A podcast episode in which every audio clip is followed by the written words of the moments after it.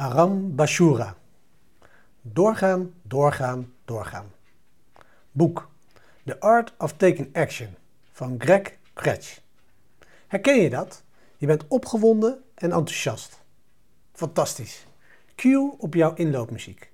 Hier gaan we voor. En? Laten we ervoor zorgen dat je x dagen later niet opgeeft als het een beetje moeilijk begint te worden en het hele proces niet zo leuk vindt als op dag 1.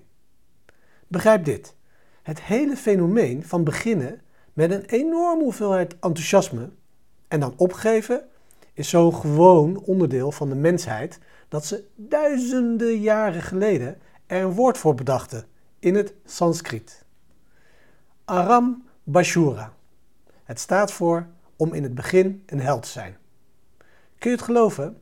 Ze hadden eigenlijk een woord voor dat ding dat we allemaal veel vaker hebben gedaan dan we zouden willen toegeven. Ja. Laten we geen helden zijn in het begin. Laten we door die moeilijke momenten waar we geen zin hebben doorzetten, zodat we doen wat we zeiden dat we zouden doen en blijven doen. Wees een held.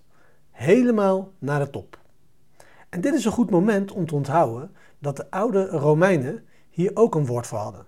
Ze vertelden ons dat we in het begin geen helden wilden zijn, of pas halverwege de ruige berg van onze heroïsche zoektocht. Vast komen zitten in het midden, medius, van een ruige berg, Ocrius. Dat is middelmatigheid. Herken jij het Aram Bashura bij jezelf? Neem de tijd om terug te kijken naar hoe je toen was en neem nu een besluit om door te gaan, ook als je wilt opgeven. Doorgaan, doorgaan, doorgaan.